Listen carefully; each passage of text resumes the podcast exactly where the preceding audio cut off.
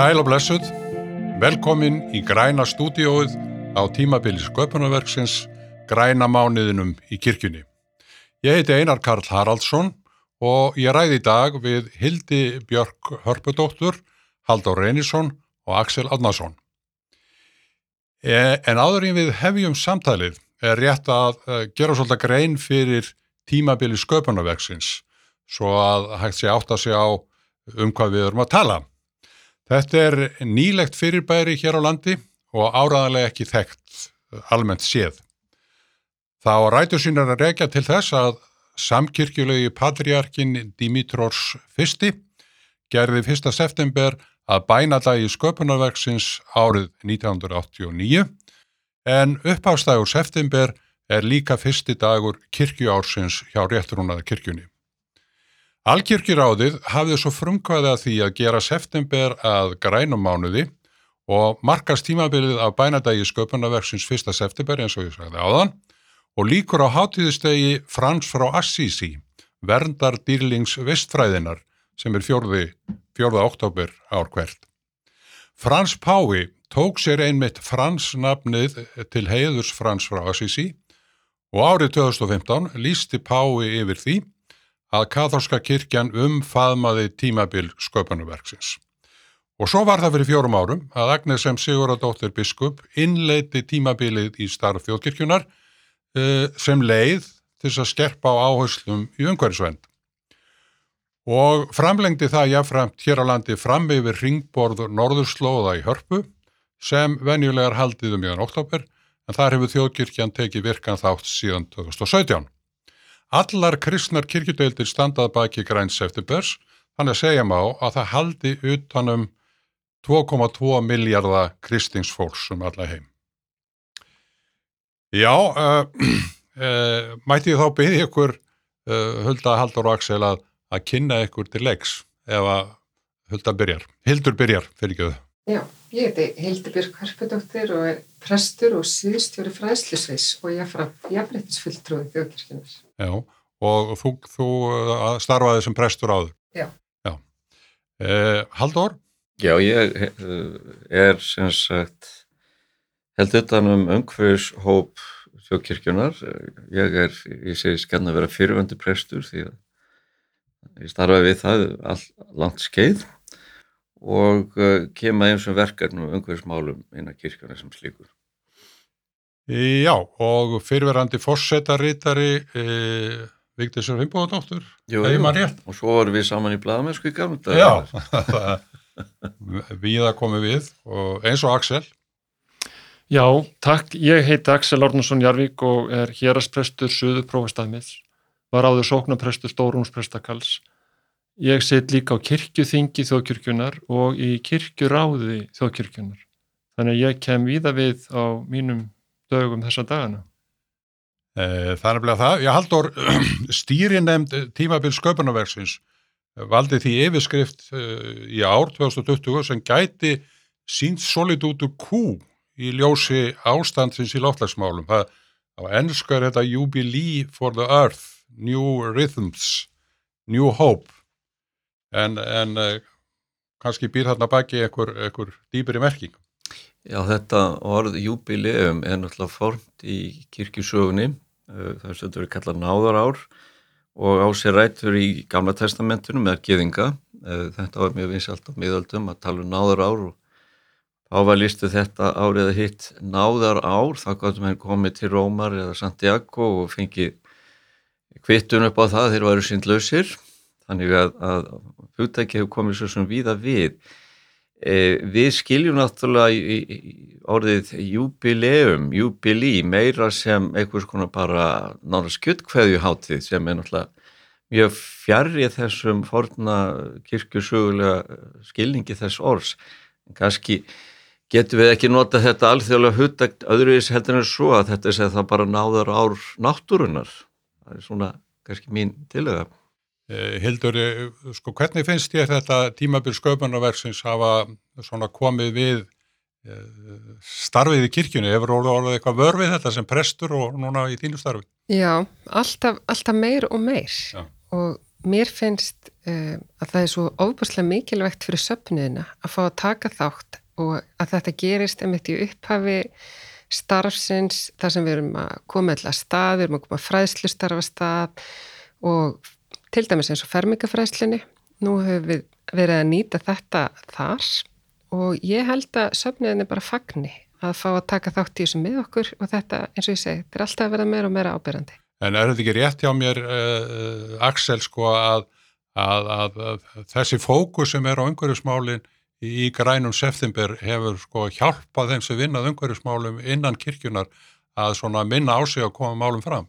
Mjög gott tækifæri og það sem annað er og meira kannski líki þessu að það er sumt af því sem maður heyrir heyrir og sér sem að korki heyrir nýja sér. Og það sem þú varst að segja upphafi um september og fara með fjörða oktober, nú er þannig að það eru 30 dagar í september og fjóri dagar í oktober og það tökur þversuminn að þessum tölum þá færu 3 pluss 0 pluss 4 það eru 7 Já. og þá er komin í sköpun. Og það er einmitt það sem þessi september, þessi græni mánuður er að tala um, það er sköpun Það var ekki heimilskapur á 60. Axel. Já, það tar Nei, ég sjö nú daga aðeins að- til, það þarf nefnilega kvíldina líka Já, já. Þessa, þetta náðar tímabil og vel að merkja að orðið græn er keltneska og þýðir sól og við notum oft orðið sól yfir guð þannig að við erum að baða okkur í því sem kemur frá honum til þess kannski að vekja vitund okkar og hug og grunn Eh, hugtaki græn kirkja og græn söfnuður, uh, Halldór, eh, sko, þetta var töluvert rætt um þetta hérna kannski svona fyrir, eh, fyrir tíu árum svo dopnaði svo umræða en að nú er þetta koma aftur. Já, ég man eftir því þegar ég starfaði á sínu tíma á Biskustofið þá var það Karl Sjóbjörnsson sem fór af stað með svona umhverfis starf, umhverfis hóp og hafði mikið náttúrulega á þessu og þá vorum við með umhverfis vettvang starf en þetta, það verkefni og margt uh, svona uh, var sett dálítóni skufurnar í bankahruninu en, en svo var nú eiginlega, þakka Agnesi biskupi það að þetta verkefni var fekk aftur að fara á flug núna síðust árin það er að græn kirkja grænt umhverfistarf og mér er þetta aldrei minnistætt að fyrst þegar var lög fram svona endun í umhverfistarfn á kirkjuþingi fyrir hvað, þetta er fjögur ár síðan. 2017 2017, já, þá þótti menn þetta vera eitthvað sérvíska aðal í Axel, kannski mér og einhverjum fleirum. En núna, eh, og það segir hvað hlutirna hafa þróast hratt, núna finnst fólki þetta bara sjálfsagt og í raun og mjög verðugt eh, verkefni fyrir kirkjustarf, fyrir safnarstarf af því það geta allir tekið til hendin, allt frá ungum börnum og yfir í eldra fólk og uh, þess vegna hefur þetta verið að þróist yfir það að búa til svona algjörlega naglföst eða nánast skobluföst verkefni þar sem menn er að, að, að planta trjám eða endurheimta votlendi eða hvað það er. Þannig að við erum að sjá mjög hraða þróun sem betur fyrir innan okkar kirkju. Og það, það eru tölvöld margir sopnuðir núna sem eru á leiðin að verða grænir sopnuðir eða orðnir það. Já, og núna höfum við verið síðust ári með þetta verkefni sem köllum grænir söfnurinn okkar og uh, það er í raun og veru bara gátlist upp á 30-40 atriði um alls konar umhverfi starf. Það getur verið þess vegna flokka og setja leddperur en líka það tala um sköpunarverki við börn og fermingabörn og, og, og í messuhaldi og í, í stefnu uh, safnarins og nú á þessari stundu eru tólf söfnir sem að fengi viðurkenningu sem köllum að vera á grænni leið uh, sem þýðir þá að þessi söfnuðir og uh, starfs uh, sem innan kirkjunar hefur getur haka við átt af þessum 30-40 atriðum þar sem að er verið að vinna umhverju starf og nú þegar eru tveir söfnir sem eru komnir skrefni lengra á, við getum kallað græna söfnuði því að þeir eru búinir að tilenga sig 25 atriði í uh, sambandi við græna söfnuð. Og uh, þeir væri að fá njóta þess það er árbæjar söfnuður sem var fyrstur sem að fekk þessa viðkenningu og síðan núna grafurskirkja og ég býð eftir hinnum þá erum meðal Hallgrímskirkju einakall Já, já, við látum ekki að spyrjast um okkur að við kom, komum ekki þannan hóp bráðum. Eh, En eh, Hildur, það kom mörgum á óvart hér uh, þegar að Agnus Biskup sagði frá hugmyndum um skýrnaskó í prétikun í Dómkirkjunu um áramótin. E, e, þetta var eitthvað svona framandi hugmyndis. En, en nú er þessi hugmynd að verða veruleika. E, í skálholti bara á næstu dögum þegar þetta er talað. En hvað liggur þarna til grundvallar? Það er helmart, en það sem var kannski helst var Ósk Agnesar að við myndum setja umhverfismálinn einhver staðar á ottin og þræða þau inn í allt fræðslefni sem kæmi frá okkur núna. Og við erum ekki bara að leggja áherslu umhverfismálinn núna í, á fræðslusveinu, heldur líka skýrtnina og Agnes var svona aðeins búin að lauma því að okkur. Er einhvers þar hægt að finna punkt þar sem við getum sett þetta tvent saman? Og við Haldur vorum nú búin að ræða mikið alls konar hluti eins og við gerum. Og þetta var til að búa til skýrtnaskoa og ég held ég verður bara að segja þetta er bara með betri hugmyndum okkar Haldurs Ég hefði nú heiltu Björgsumón og heiður nú þessari hugmynd. En hérna Takk en, fyrir að reyna að koma henni yfir á mig en þú átt hana. En hugmyndin er sér sett svo að við gróður setjum eitt trí fyrir hvert bat sem er skýrt. Og við fáum til þess land í öllum prófastæmum og þetta er í rauninni svolítið verkefni prófastana að, að framkvama og okkar helsta ósk er það að það verði fermingabötnin sem sjáu um að gróðu setja og þarna er kynnslóða að setja umhverfismálin á oddin fyrir aðra kynnsló sem eru að koma inn í hennan heim. Mm -hmm. e, og þetta er að fara á stað núna?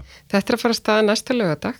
Þá mun Agnes hefja skýrna skóana e, í skálholti og við haldur ætlum að vera þarna með henni og, og fleira fólki og það sem að hefur líka kannski komið okkur óvart var uh, að skýrnaskoðarnir þeir vöktu aðtikli uh, langt fyrir utan þjókirkju mm.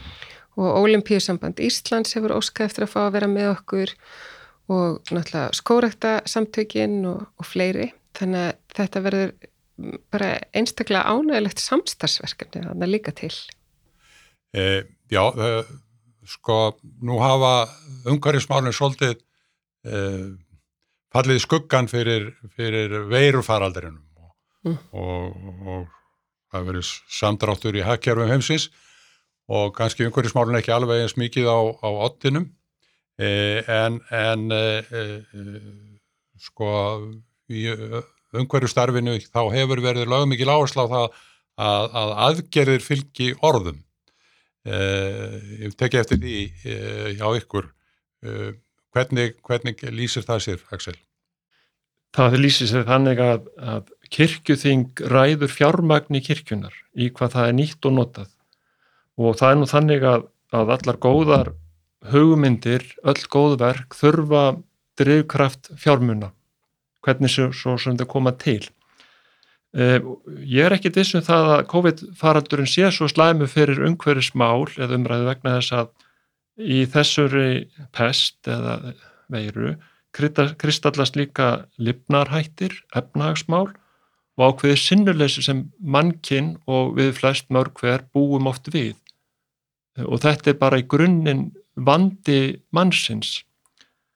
Lifnarhættir, efnahagsmál og þetta sinnuleysi sem við sínt en núna höfum við einhvern veginn komið í þannig fyrir að kirkjuþing hefur þetta fjárstjórnavald og hefur tækifæri til að setja fjármunni í umhverfis þætti, umhverfis starf og hvort sem það verður nú 5% eða 3% eða 10% eða hvaða tala sem það er, að þá fylgir fjármagn og það, það verður að vera. E, það er kannski líka ítir á það að fjármagn komi annar staða frá ef þú er tilbúin að leggja púk sem ég heyrist að heildur sé að tala um. Það vilja fleiri vera með því að fólk dregur að fólk. Já, en, en, en það, það er einmitt, e, það, það var gerð 2018 aðgerða áallun meðan hann útrýma öllu plasti í, í starfsemi kirkjunar. E, nú komið að því að gera aftur aðgerða áallun e, sem sagt, miða við það að það séu gerða tveggjára aðgerða áallun. Hvað, hvað er helst á döfinni í nýri aðgerða áallun, Haldur?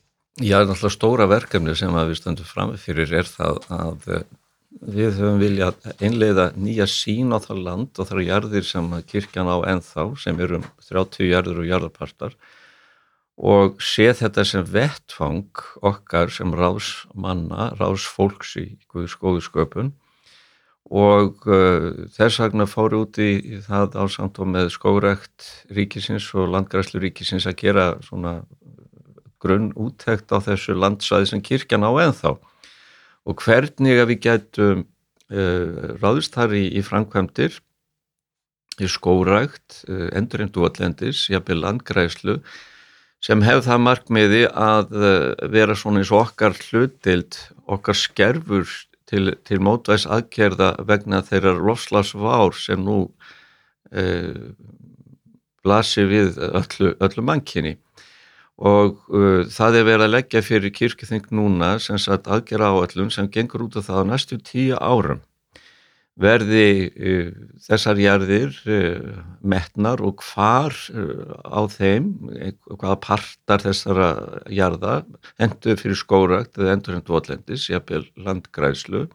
Það er ekki verið að tala um að eigða sko ræktuður landi þar sem er búskapur en eitt soliðis en taka fyrst og fremst ónýtt svæði sem gætu nýst í, í þessa veru og hugmyndin er að gera þetta með nokkuð snörpum hætti á tíu árum vegna þess að samkvæmt svo kallari milliríkja nefnd samnið þjóðana eh, skýslu sem kom út oktober 2018 þá segir þar við höfum glukkinur tíu ár til þess að snúa við uh, á loslagsbröðinni grípa til rótækra aðgerða til þess að uh, spórna við þeim, þeim hraðfara breytingum á loslagi og náttúr sem er að verða og það er svona hugmyndin á bakvið þetta að, að þarna komum við fram mjög, með, með skýrum, sterkum og nokkur róttakum hætti og framkvæmum þess áallu næstu tíu árin og það náðu til alls þess lands eða þessara 30 jarðar, jarðar sem kirkjan á og það á að fara að leggja þetta bara fyrir kirkjöþing núna 10. september. Það er aðviklisvert í þessu að þarna er, er samstarmið í þjókirkjunar og, og landgræðslunar og og skóraktarinnar eh, við landgræðslu fólk. Eh, þetta er, er svona nýjung eh, og, og, og hefur í rauninni fætt af sér margskonar árangur, bæði innanlands og, og svo í alltjóða samstarfi. Það má ekki gleyma því að þjóðkirkjan okkar geymir 240 manns, þannig að það eru margir í bátnum og þau sem ekki eru skráður og líki í bátnum Þannig að einn maður gerir ekkert allt en allir geta gert eitthvað. Þannig að ég held að þessi þáttu skóraktar og landgræslunar sín okkur það bara að, að víða í samfélaginu eru, er fólk sem vil ljá þessu máli lið og nýta þann slagkraft skulum segja sem gefst í þessu fólki sem er innan þjókirkjunar líka og í þessu landrými sem hún ennþá á, þar að segja sem hún sér ennþá um. Auðvitað deilur um það svo sem hvort að kirkjan er viðar lendur heldur en sem eru skráður á hana. En við eigum allavega saman þetta land sem við búum á. Og okkar skilda er kannski ekki síst svo sem fælst í töfaldar kærlisbúðurinn að elska Guð og nágan og þeir líka millir kynnslóða okkur ber að skila landinu og framtíðinni betri en við tókum henni við. Hildur, nú talaðum aðgerra áallun til tíu ára, eru þið á fræðslusviðinu líka undirbúa áallun um, fræðslu í umhverjusmálum til tíu ára. Já, við erum að því. Og við erum að uh, hugsa til dæmis fyrir öllum aldurshópum í þeim málum. Bæði sunnudagaskólan, fjölskyldi kirkuna, skýrnaskóana, fermingafræðsluna. Að því að við, eins og Axel segir að það er allt undir. Og við erum líka að hugsa um hennan uh, fallega mannskilning að að þegar við vinnum að umhverfismálum erum við líka að hugsa um vöxt og, og farsalt sér hverja mannesku og, hérna, og það skiptur okkur svo óbúslegu máli. Þannig að jú, við erum líka í aðgerðar áallin, svo sannlega. Ef maður skrifa inn í þetta að, að það er ósala sterk takminn fólkinni því að planta tre og með barni til dæmis og segja við barnið, nú átt þú að vaksa og dafna eins og þetta tre og þú átt að hjálpa því líka til að vaksa og dafna og börnin, eh, ferringabörnin, ungbörn, þau skilja þetta mjög sterkum skilning Mm -hmm. Þannig við höfum svo mikil tækifæri þannig. Já, ofubóðslega mörg og bara líka bara í þessu að börn eiga stundum auðveldra með að sko skinja og skilja Guð í gegnum náttúruna heldur um bara í orðunum sem við erum alltaf að tala og, og kannski svona svolítið predika yfir þið. Helgun lands eh, til kólefnusjöfnunar Uh, hvað, hvað, hvað hefur það í förmið sig? Það er líka eitt af verkefnum tímabilsköpunarverksins í græna mánuðinum. Jú, það er, er verkefni sem fór að staði fyrra. Þá voru nokkrir söfnir sem að hafa komið að umhverju starfi hjá sér sem að fóru einmitt í skálholt og blöndu þar trjá. E, nú stefnum við að því að vera með helgunlands aftur í skálholti 19. september og svona örþing í leðinni E, það er fyrst og fremst ætlað þessum söfnur sem hafa farað stað með grænt starf hjá sér, grænum söfnuðum. Hugmyndin er svo að e, nota einmitt þetta land sem að kirkjan á ennþá fyrir söfnuði eða félög þjókirkjunar, jafnlega einstaklingar sem þannig hugsa. Það sem að þeim er gefið færi á að kólefnisjafna starfsitt því að sama hversu mikið við reynum að spara og minga eðisluna þá er fótspór okkar, kólmins fótspór okkar alltaf uh, þó nokkurt og þá þurfum við geta gripið til einhvers konar mótvæðs aðgerða. Helgunlands er uh, það að við getum uh, kólefnisjafna móti starfi kirkjussafnaða og félaga. Og ég held að þetta geti verið mjög gefandi starf. Og þetta, þetta er hluta því uh, þetta er kallað á slæmimáli learning by doing. Um leið og fólk fer að gera eitthvað uh, mundaskopluna, grafa hólu og setja tré niður þá einhvern veginn virkjar það á hann í umhverfsmálum og það sýnir sig að þetta þetta er bara reynist mjög gott inn í svona félagsheild kirkjusafnaðins? Eh, mér langar að koma aftur að, að samstarfinu við, við landgræðslu og skórakt. Eh, í fyrra þá uh, var samstarf millir þjóðkirkjunar og, og ímsa aðela félagsaminuð þjóðana uh, og, og, og uh, landgræðslu fólks um undirbúning málstofa á, á ringborði Norðurslóða og, og haldinn rástefna í, í skálholti í tengslum við það til að undirbúa þessar málstofur. Og, og þar kom fulltrúi frá uh, umhverjastofnun saminuði þjóðana og, og átti viðræður við uh, umhverjusráð þeirra sem að hefðraði uh, rástefnuna með nærmýlusinni í skálholti og út úr því er komið núna að, að, að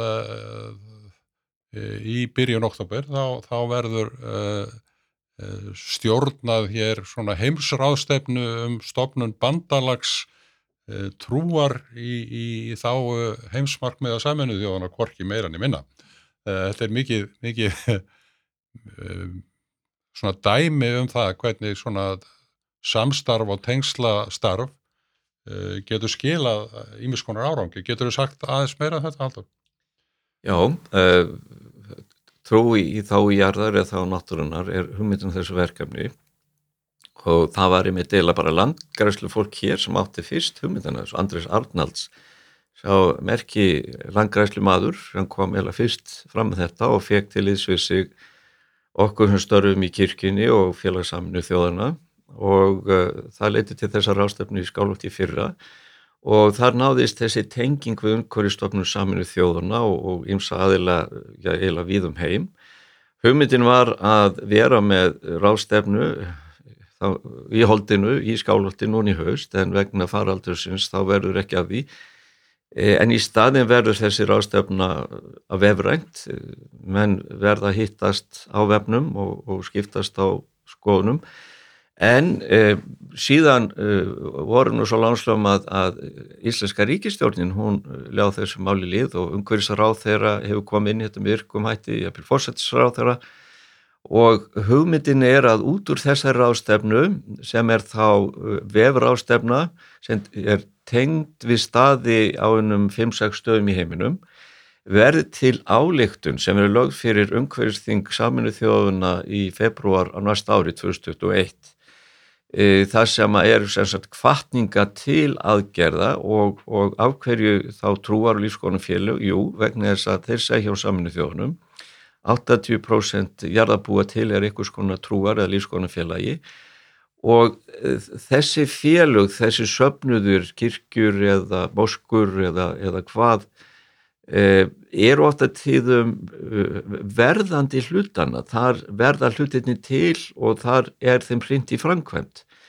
Þannig að, að með þessu neti eru við að tala um það að ebla uh, trúar lífskonu fjölu til virkra þáttöku í umhverfistarfi til þess að gera eitthvað í málunum til að, eins og ég segi, til þess að grípa skopluna. Já, en megin hugmyndin er þessi sem sagt að, að, mjög skilst að innan vébanda eða á vegum umhverfistofna saminuðu þjóðana verði til, band, verði til bandalega allra trúabræða og trúarhefinga í heiminum sem að, að saminast um að vinna að, að sjálfbærni markmiðum saminuðu þjóðana og, og, og þetta er náttúrulega út frá þeirri hugsun uh, vænti ég að, að uh, það er búið að rannsaka og loftslagsvána og, og með vita nokkur veginn hvað þarf til að bregðast við en Já. það þarf að virkja uh, fólkið um allan heim Já.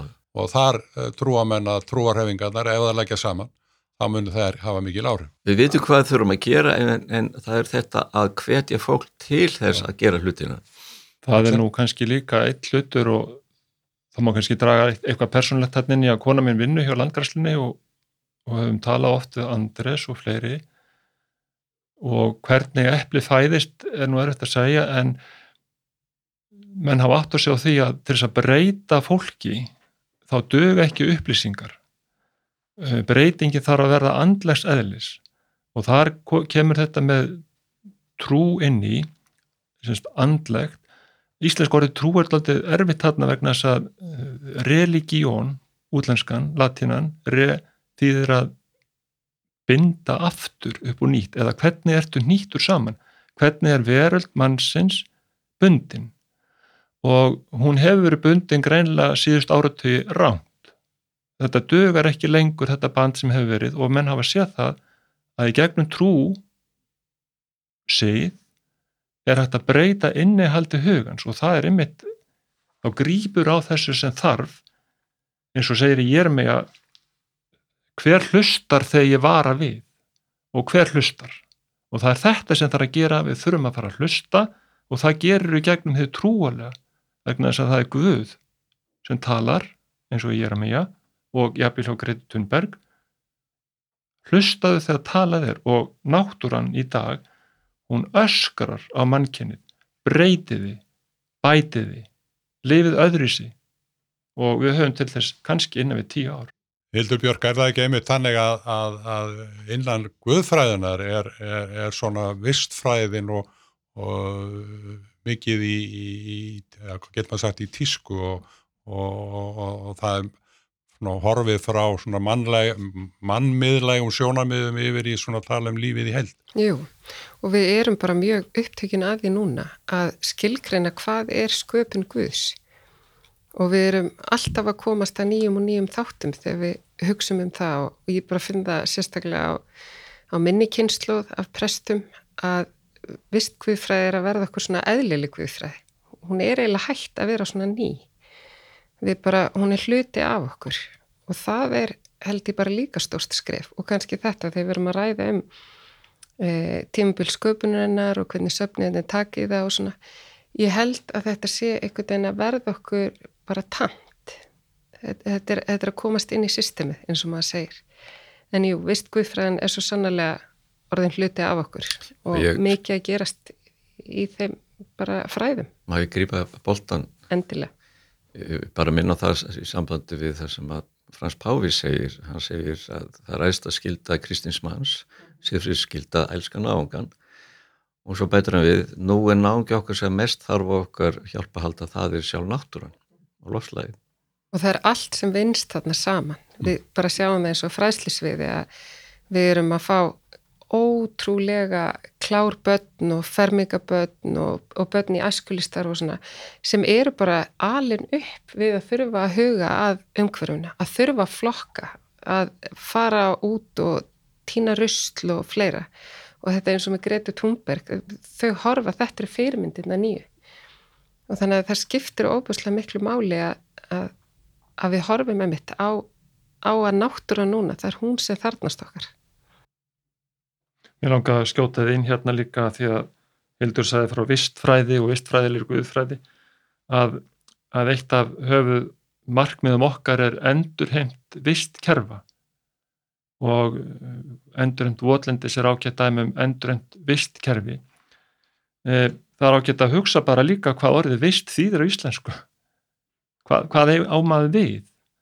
Og við notum líka til vist og síðan vistarbönd að svo stöndu fram með því að við erum að eigða og rústa vist kerfum og þegar við gengum til með sinnum inn í íslenska mosa þá er það nánast eða, eða úttaga gróður þá er það nánast útlokað fyrir okkur að endurhenda hann með einhverjum hætti nema þeim að láta hann spretta fram sjálfan.